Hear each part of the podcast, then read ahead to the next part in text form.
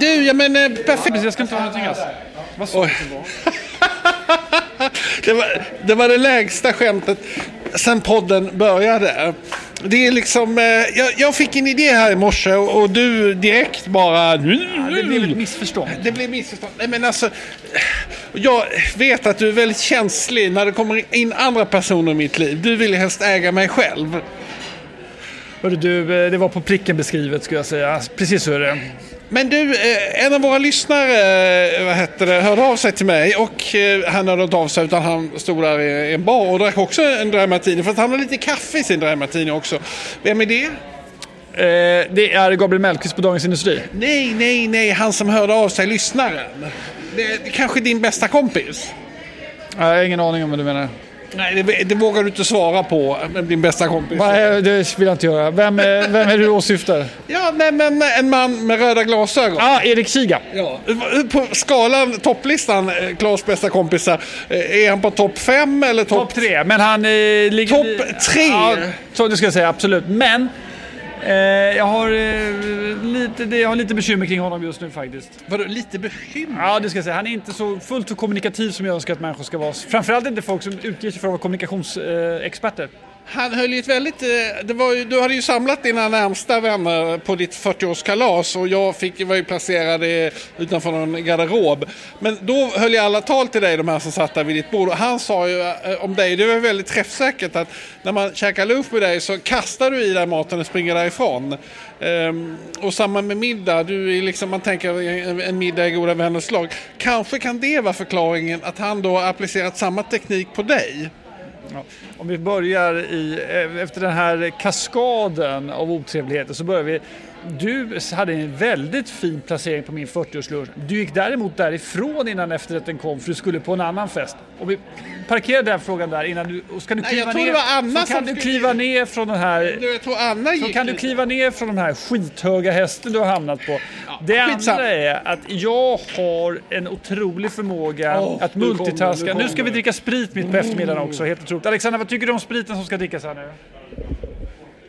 Du måste säga något Alexander, du kan inte rycka på axlarna bara. Eh, stjärnor. Hon är inte riktigt podcast-kompatibel än. Nej, jag tror men, hon, är men, lite för, hon är lite för mäktig blivande influencer för att prata du, med men jag tänkte, då sa Erik Siger till mig så här, "Åh, vi måste tre, trigga in fullständigt i listan över Svenska Brasils nya ägare. Och då tänkte jag, då bjuder vi in eh, Gabriel Mellqvist som avslöjade, kom med skopet. Så jag tänker, jag ger micken till dig och så ber du honom berätta då. Hur vill du att jag ska göra? Ja, men alltså, Innan vi släpper in Gabriel Mellqvist, vet du hur Gabriel Mellqvist och jag blev vänner? nej, nej du, du har micken för nära munnen. så det, det, är liksom, det bara skorrar när du pratar. Så håll den en liten bit För ifrån när du pratar låter du alltid helt normalt. Vet du hur Gabriel och jag blev vänner? Nej, Hur ska jag kunna veta det? Det, min upplevelse är att när Gabriel var USA-korre på Dagens Industri så varje gång jag träffade en person så sa de så här Är det du som är USA-korre eller är du så lik personen som är USA-korre? Och eh, sen när vi väl träffades så kändes det som om eh, jag fick en eh, liksom, släkting. Det är ungefär samma sak som när du träffar Björn Ranelid. Alltså detta var det konstigaste. Så du och Gabriel skulle vara lika varandra. Gabriel Mellqvist, välkommen ser, till... eh, ser ut som en vuxen människa. Du har ju, ser fortfarande ut som en tonåring. Gabriel ser ut som en man, du ser ut som en kvinna. Alltså, fråga du restaurang. Gabriel Mellqvist, välkommen hit. Jag är ett vuxenbarn. Lite förvånande för oss att ha en gäst här eh, och en gäst som har med sig ett, ett barn också. Men vi ska göra vårt bästa. Det tycker jag verkligen. Skål! Skål! Vad dricker ni Viggo? Det är Gabriel Mellqvists favoritdrink. Min också faktiskt. Dry Martini. Som serveras på minuten Gabriel Mellqvist kliver in på en vanlig lunch här utan att behöva säga någonting. Det är power. Absolut, absolut. Men det skulle du kunna be eh, Leif göra också. Lite som en Olle Bertling. Man skulle kunna rita de där trekanterna men man gjorde det inte. Förlåt Gabriel, du jämför alltså din alkoholvanor med en av Sveriges mest ledande konstnär. Bara så vi förstår. Tveklöst. Lite som en Olle Bertling man hade kunnat rita. Hallå, frå- gå nu till, kom nu till ämnet för guds skull. Vad, berätta vad Ämne- om avslöjandet. Ämnet för dagen, det avslöjande som Viggo så hett önskar att han själv hade gjort, har då med svenska brasserier att göra. Gabriel Mellqvist ägarlistan. Eftersom man skulle gå till börsen för ett år sedan var det väl 2022 så skulle Svenska Brasserier, alltså Riche och Sturehof som är flerägare bli ett börsbolag. Sen blev det oroligt på marknaden och de noteringsplanerna fick ju vänta lite grann. Men man har ändå gjort en så kallad ägarspridning. Man har alltså sålt en massa aktier till en massa prominenta människor. Där lyckades jag få loss, inte tack vare mitt eget snille utan tack vare tjänsten Holdings som listar en massa ägar, ägare på olika aktier. Och det var väldigt spännande för det var mycket fint folk i ägarlistan. Och eh, fanns det, hur många är delägare i svenska brasserier? Det vet jag inte, men i alla fall, eh, jag skulle säga, det var över 70 när jag läste listan. Vi säger ett hundratal prominenta krogintressenter. Viggo sitter här som en värnpliktig som väntar på att Tusen och natt ska komma igång och vill bara höra vilket som var det mest spännande namnet. Över till dig. Det mest spännande namnet, det beror på vem du frågar. Det mest spännande namnet för Dagens Industris läsare tyckte jag var Stefan Persson, förstås H&M's storägare och starke man. Han är eh, finns på topp 10 på ägarlistan. För den rischviskande Stureplanspubliken så skulle jag säga att den fjärde största ägaren är mest överraskande och det är den litterära agenten Niklas Salomonsson genom eh, bolaget Harry Holding. Det är ett gäng anonymt eh, namngivna bolag på den här ägarlistan. Och det här var en överraskning för mig i alla fall. Viggo Kavling, om jag säger namnet Niklas Salomonsson, kan du iklä dig lite grann då? Ja, ja, ja, men jag minns Niklas Salomonsson väl. Han kom upp på eh, Resumés eh, kontor, på, eller redaktion som man sa då på den tiden, på Gamla Brogatan med en tegel, eh, påse med tegelstenar och eh, massa spik och skulle bjuda in mig till ett performance. Och då blev jag så fruktansvärt rädd för jag tyckte de här spiken och stenarna var extremt obehagligt. Så jag bara slängde allt i papperskorgen och eh, sen dess så, eh, ja, sen, man kan väl säga så här att hade jag gått dit och blivit kompis med honom då hade jag kanske varit en känd författare. Men, men, eh, men jag var inte med på hans resa från videobiträde till hög litterär agent eller Sveriges mesta agent. Som vanligt, man ber Viggo Kavling om en beskrivning och han pratar om sig själv i tio minuter.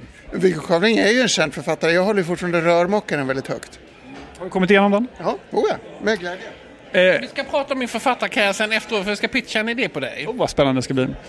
Eh, nu Alexandra kommer, men apropå ägarlistor, ni två är ju på pappret gift med samma kvinna.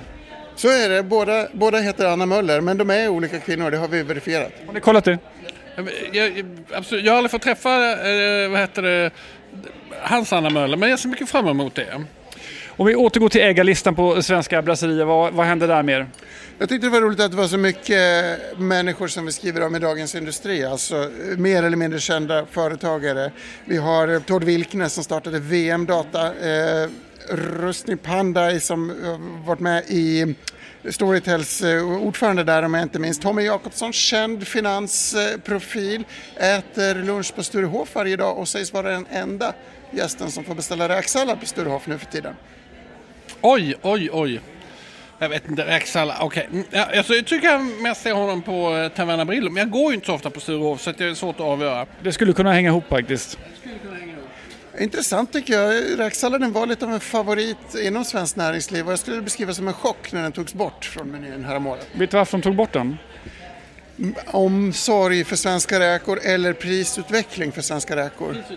Nej, det är samma sak som med hamburgarna på Rish. De tog bort det för kockarna är trötta på att eh, laga rätten.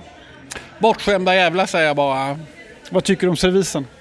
Nej men de är jätteduktiga men kockar är oftast väldigt bortskämda och det jobbiga är ju att de sällan ser gästerna så att de kan sitta ute i köket och ha fria fantasier. Apropå det så kan jag bara meddela att Linjekock har faktiskt blivit en succé första avsnittet. Men tillbaka till ägarlistan.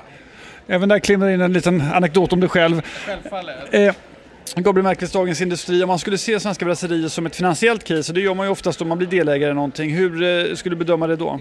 Hopplöst. Vi går mot en lågkonjunktur. De har redan problem med Taverna Brillo uppenbarligen. Jag älskar restaurangerna så jag hoppas att ingen som jobbar där, särskilt inte hovmästaren som ger mig bord, lyssnar på det här. Men jag tror att man ska investera med hjärtat ungefär som man investerar i en fotbollsklubb. Inte i tron om att faktiskt tjäna pengar. Är det fler Vi... namn som är med på listan? Ja, det, det... Alex Schulman har man ju, det är svårt att missa honom. Inga kockar, jag, jag, jag, spar, jag sparar det bästa till sist. Okay. Inga kockar, flera gamla VDR.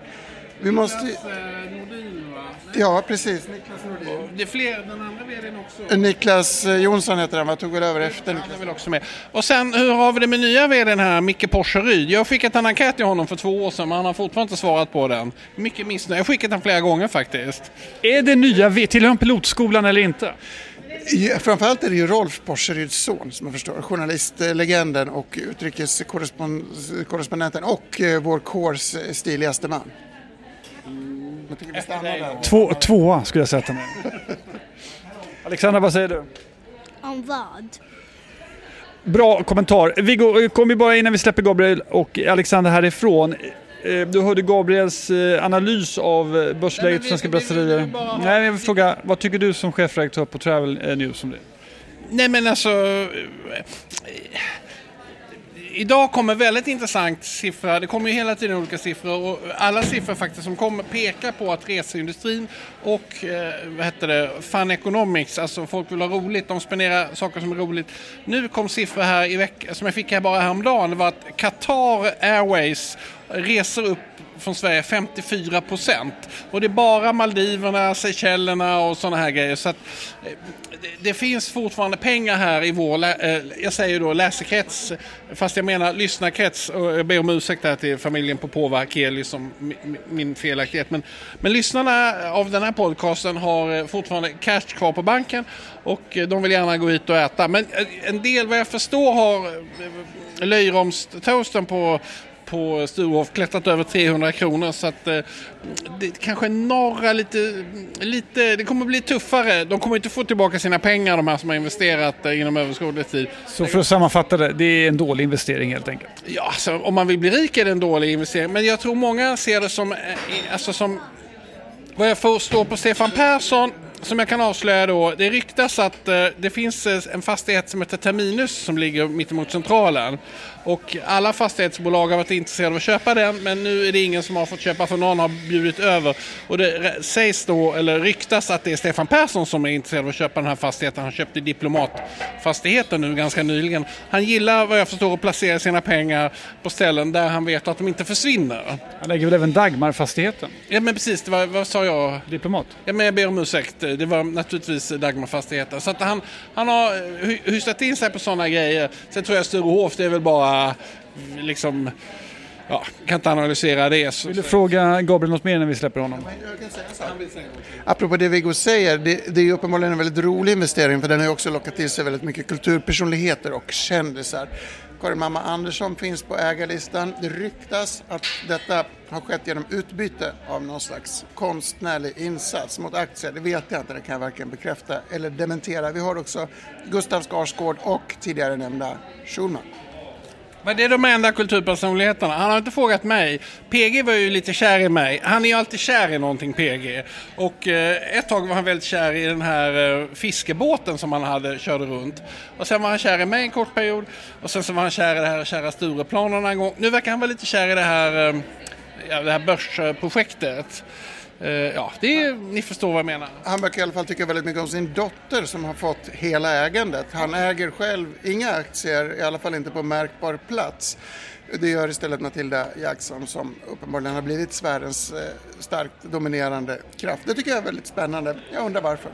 Är det här det eh, roligare aktieägarmöte, roligaste aktieägarmötet man kan gå på i Sverige idag skulle du säga? Mm, Jag skrev faktiskt en artikel och var lite besviken över att aktieägarna inte gavs rabatt på restaurangerna. Men säkert väldigt roliga möten och eh, specialerbjudanden och annat.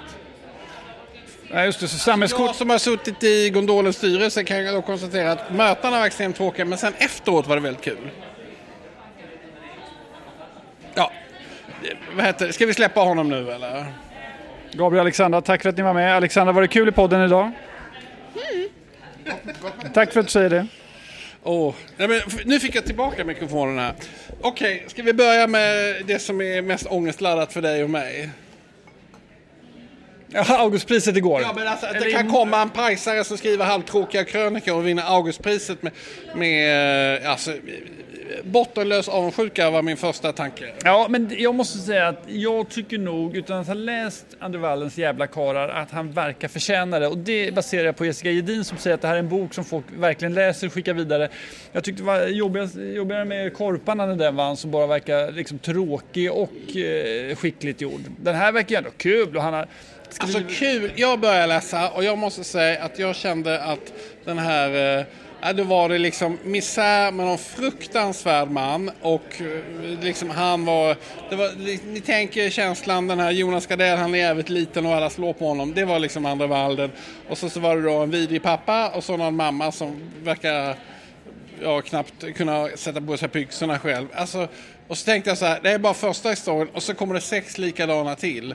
Nej, det, jag, dramaturgiskt så tyckte jag det kändes lite platt. Men jag, jag tror att det är en sån här bok som kvinnor, åh, oh, det är synd om honom. Han är ju så jävla snygg. Det är för fan den snyggaste författaren. Han är jättesnygg, men han känns lite så pårökt tycker jag på intervjuer. Lite som Björn Ranelid när han fick Augustpriset fast liksom nästan ännu mer upp i det blå. Du ger ofta ett väldigt pårökt intryck också, vet du om det? Jag tycker att eh, den dramaturgiska linjen som man hade är ju briljant. Vi har sju papper på sju och det är lite som eh, fyra bröllop och en begravning jag tror att om man orkar läsa Men alltså fyra jag... bröllop är roligt. Fem, men du har sju jätteäckliga... Du har inte läst boken. Nej, du har läst har en läst... sida i boken. Nej, nej, jag, att... nej jag har säkert... Jag, nej, jag har läst mer än en sida. Det är typiskt ditt beteende. Du läser en sida så är du liksom världsmästare i ämnet Andre Walden. Nej, jag har läst eh, ett par av hans krönikor också. Jo, men nu pratar vi om boken. Ja. Det som jag tycker var mest provocerande, eh, jag tycker att han förtjänar priset, det ska jag säga. Okej, okay, okej, okay. du som inte har läst boken alls tycker det ja. Mm. Ja, det är för sig en bra poäng, du har rätt i det. Eh, men jag tyckte det var kul att se honom när han tackade juryn. Jag undrar vad Jonas Hassan Kebiri tycker om det. Han säger jag är egentligen AD, men jag har börjat skriva lite grann och det har gått rätt bra så jag kanske fortsätter. Ja, jag tackar. Alltså, jag tror att det var många som ville spöa honom då. Men alltså... Snygg bok var det, om inte annat. Ja, den såg, ja men den var väl lite, ja men det såg väl helt okej. Vad va ska vi, eh, är vi nöjda med den här boken? Har du något att komma med? Nej, du kan prata på i 30 minuter själv nu. ja, men någon liten spaning har du väl? Eller? Jag har tagit ett beslut som ligger helt i otid med tiden. Jaha. Och jag vill idag, den här torsdagen som det här nu sänds, komma ut som eh, jag är en medelålders man som är fullständigt ointresserad av historia. Det här är ett ämne som jag förväntas vara intresserad av, krama och eh, ja, prata om helt enkelt. Men det finns ingenting. Jag tycker historia, efter allt innan 81 tycker jag är dödligt tråkigt. 80-talet och 90-talet pratar jag gärna om, men innan dess tycker jag det blir förskräckligt. Och det här slog mig med buller och bång i veckan. När du tittar på den här tv-serien? Det här slog mig när jag såg, när man började prata med närhet om, ska vi inte gå och se Napoleonfilmen? Tre och en halv timme. Och när jag kände instinktivt då, jag vill absolut inte se Napoleonfilmen. Jag vill inte ha någonting att göra med den överhuvudtaget. Och samma sak med historien om Sverige på SVT. Jag börjar anstränga mig, men det går inte. Jag kan inte med ett uns intressera mig för stenåldern, eller bronsåldern, eller vikingåldern, eller något annat som hände innan Fredrik Roos flyttade från Malmö till Stockholm. Då blev det roligt. Samma sak när jag anstränger mig för att på helgerna läsa Dick Harrisons artiklar. Det går inte. Det finns ingenting med historia som intresserar mig. Och det håller på att, eh, att eh, akklimatisera med den här nya tillvaron och än så länge går det rätt bra. Alltså jag älskar Dick Harrison. Alltså han är så jävla smart och rolig. Jag kan berätta en rolig grej. Ja, varsågod. Om Dick Harrison. Vi, jag hade ju, eh, som ett av mina många misslyckade projekt hette ju Magiska platser och då skulle man då få gå runt i Stockholm och lyssna i en audioguide på olika berättelser om Stockholm. Och då tänkte jag, hur ska jag fylla den här audioguiden med bra innehåll? Intervjua massa olika människor, och de pratade på. Men så tog jag Dick Harrison till Stockholm och så, så bara gick vi runt i Stockholm i eh, en dag. Först käkade vi lunch här på Rish, det var hur trevligt som helst och han bad att få ett glas vin. Nej, vi käkade frukost här och sen käkade vi lunch på gondolen. Han drack vin på frukosten drack, alltså? Nej, på, på, på gondolen åt vi sen. Jag, fick, jag frågade, får jag ta ett glas vin? Så du får ta hur många glas vin du vill. Och då blev han jättegott. Så gick vi runt här. Och då pekade jag till exempel på Skansens dörr och så sa jag, ja, vad händer här? Och då började han Då var det som att trycka på en knapp. Det bara sprutade ut ord om honom. Och inte en enda gång tvekade han och, eh, och stakade sig utan det var, alltså, allting fanns lagrat i hans huvud. Det var bara att komma rakt ut. Och eh, det var helt eh, fantastiskt. Ja, och jag måste säga, om du lyssnar på honom, jag förstår inte hur du kan älska honom för att han är vänta kunnig, vänta, han är rolig. Men så här, det här var ju ingen, det här var en attack mot mig själv, inte mot Dick Harrison. Jag tycker Dick Harrison är en utmärkt person. Jag tycker till exempel hans bok om Tage Erlander som förstörde Torbjörn Nilssons liv är en alldeles utmärkt bok att läsa. Jag rekommenderar honom i många sammanhang. Det jag sa var Viggo, att jag kommit på att jag själv inte är så intresserad av historia. Däremot älskar jag Stockholms historia, så det är ett jävla undantag. Men jag pratar om tidig historia. Jag vill inte veta saker om bronsåldern eller vikingaåldern som jag tycker verkar vara den absolut tråkigaste tidsperioden av alla. Ja, men allting, eh, medeltiden har börjat bli. Sen tycker jag i den här tv-serien, 81.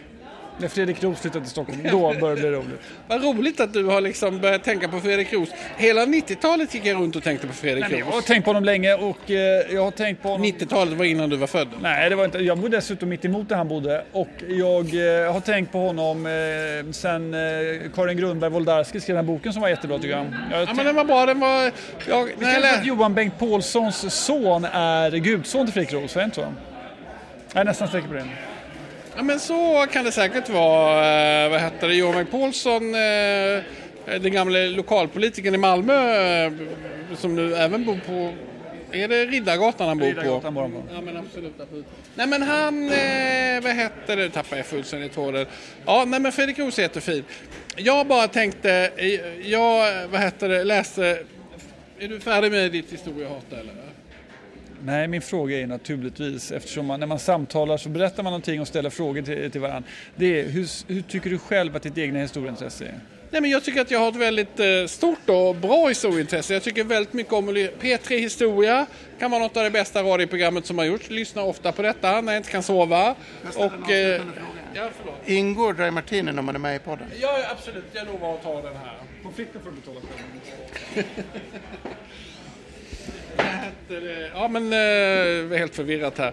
Du... Nej, men jag tycker att jag är väldigt intresserad. Jag är väldigt... Jag tycker den här eh, Bengt Lindström, han som har skrivit biografier om Churchill och eh, han har skrivit om John F Kennedy och sådana. De, du måste läsa, de är skitbra. Jag är väldigt upptagen av det här att John F Kennedy, eh, han var ju eh, på en knullresa i Skåne och bodde bland annat på Skånegården i Båstad. Det, det kan jag liksom inte, det går inte att tänka, tänka jättemycket på.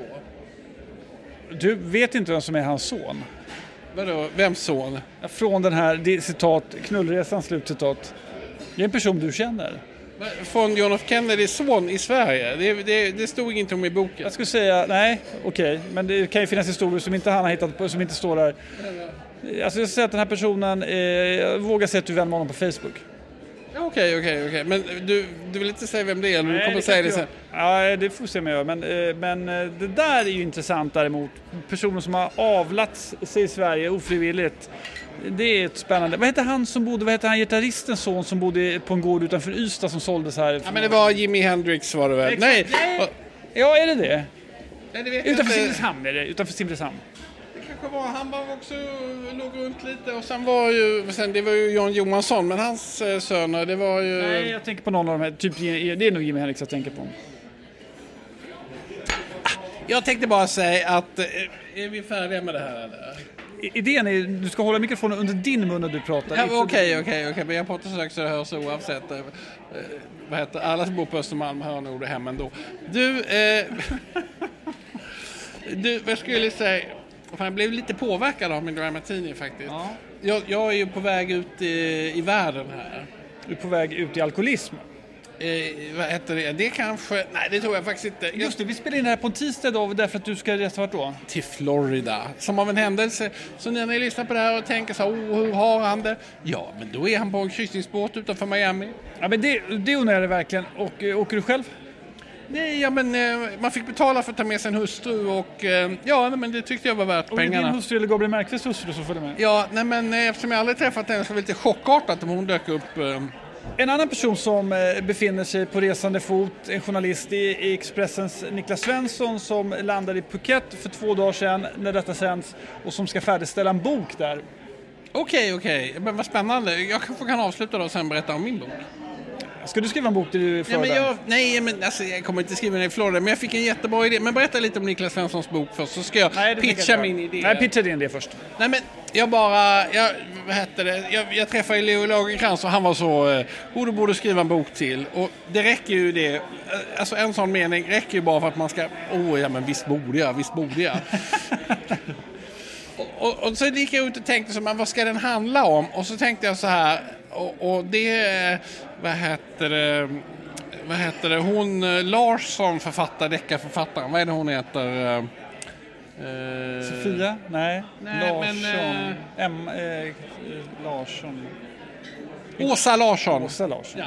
Hon berättar för mig, jag intervjuade henne någon gång, och då berättar hon allt om hur hon skrev sina första böcker. Då, då, då plankar hon han författaren som har skrivit, eh, ehm, vad heter det, eh, När lammen tystnar, den, den boken utgick hon från och sen så bara översatte hon allting till svenska och skrev på samma sätt. Och då tänkte jag, ja men det är kanske så jag ska göra för att bli framgångsrik också. Och då har jag kommit på att jag ska skriva en bok, eller ska skriva tio böcker. Leo tyckte att man skulle skriva tio böcker, eller man ska ju inte skriva direkt men, men det ska bli tio böcker.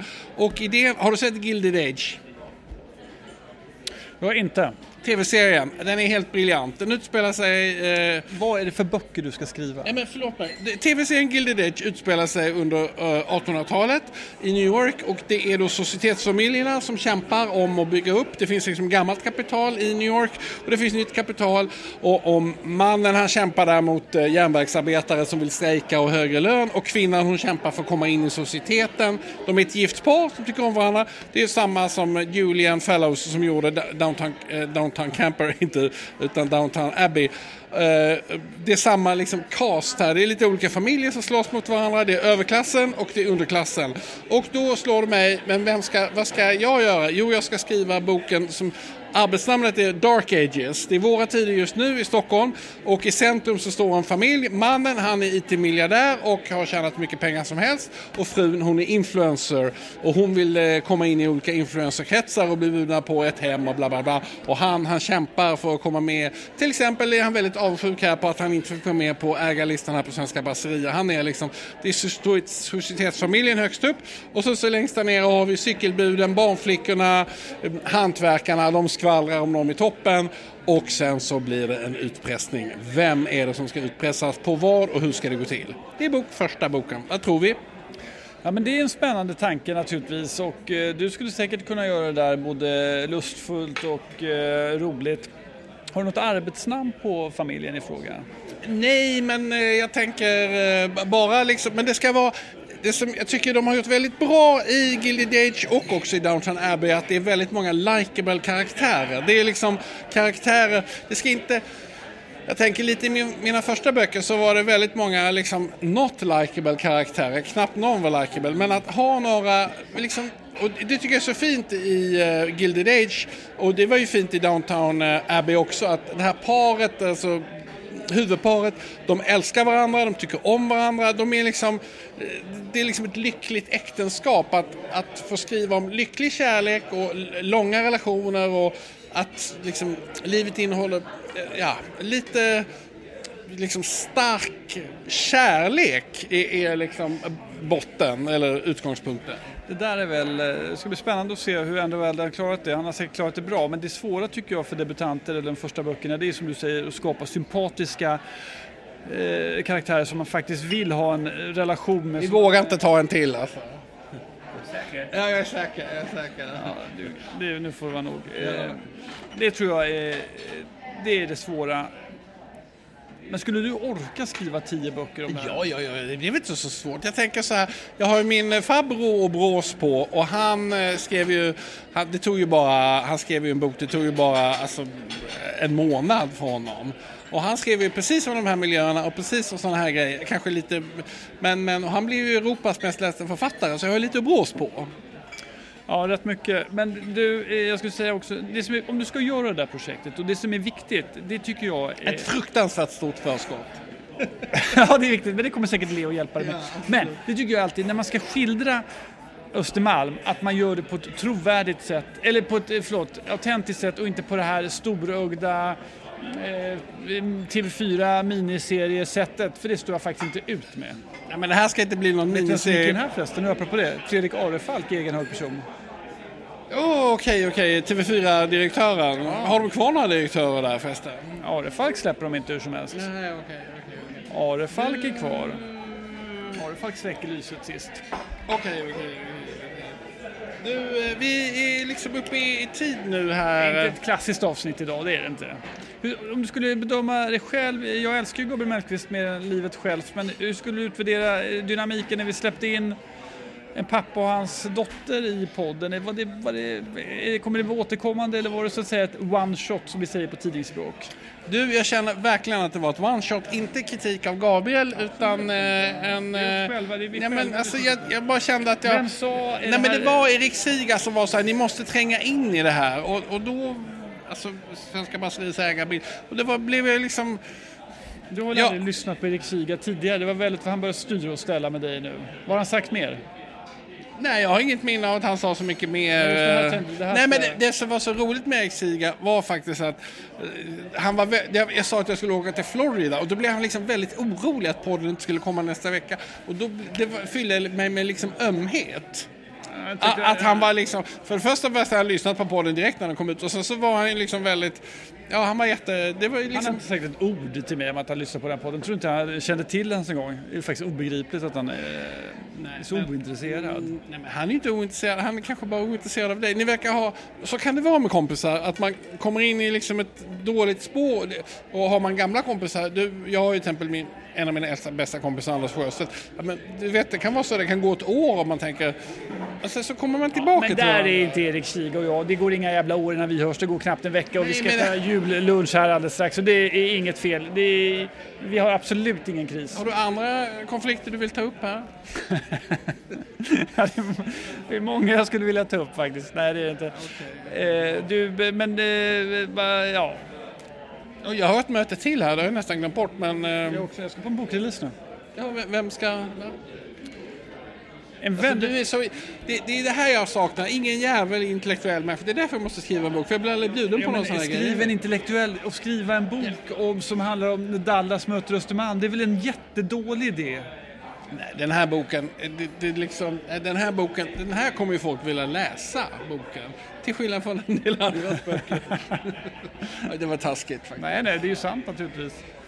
Men du, det vet ju både du och jag. Om du får välja, du vill ju hellre bli kritikerhyllad än såld. Nej, det vill jag inte. För du vill Nej. tjäna pengar nu. Ja, men alltså, jag, Ja, jag nej, men alltså, jag är jättestolt över mina böcker som jag har skrivit. Jag tänkte att man ska kunna köpa dem på Hemköp, jag ska kunna köpa dem på ICA i Svalöv. Men vad har dina böcker som du har skrivit med kritikerhyllad och skrivit? Du har ju skrivit Ja men alltså deckare. mina böcker om vi jämför med en annans författare så är mina mer kritikerhyllade. Det skulle jag absolut... Ja, Har du läst recensionerna kring roman 4? Jo men alltså några har ju, alltså, men alltså det är ju Århundradets mest hyllade bok skulle jag säga att det har blivit. alltså, om man jämför med dina andra böcker så är den hyllad, ja korrekt. Nej, ja. Ah, skitsamma, nej men alltså så. Jag eh, högaktar dig som författare och som människa och som koll- poddkollega. Och eh, Kommer ett män så kläm ur det männet nu innan vi men lägger verkligen inte, verkligen inte. på. Anders Eh, Timells son och Fredrik Orrefalk är inte helt olika. Undrar om Anders Timell är pappa till Fredrik Orrefalk också?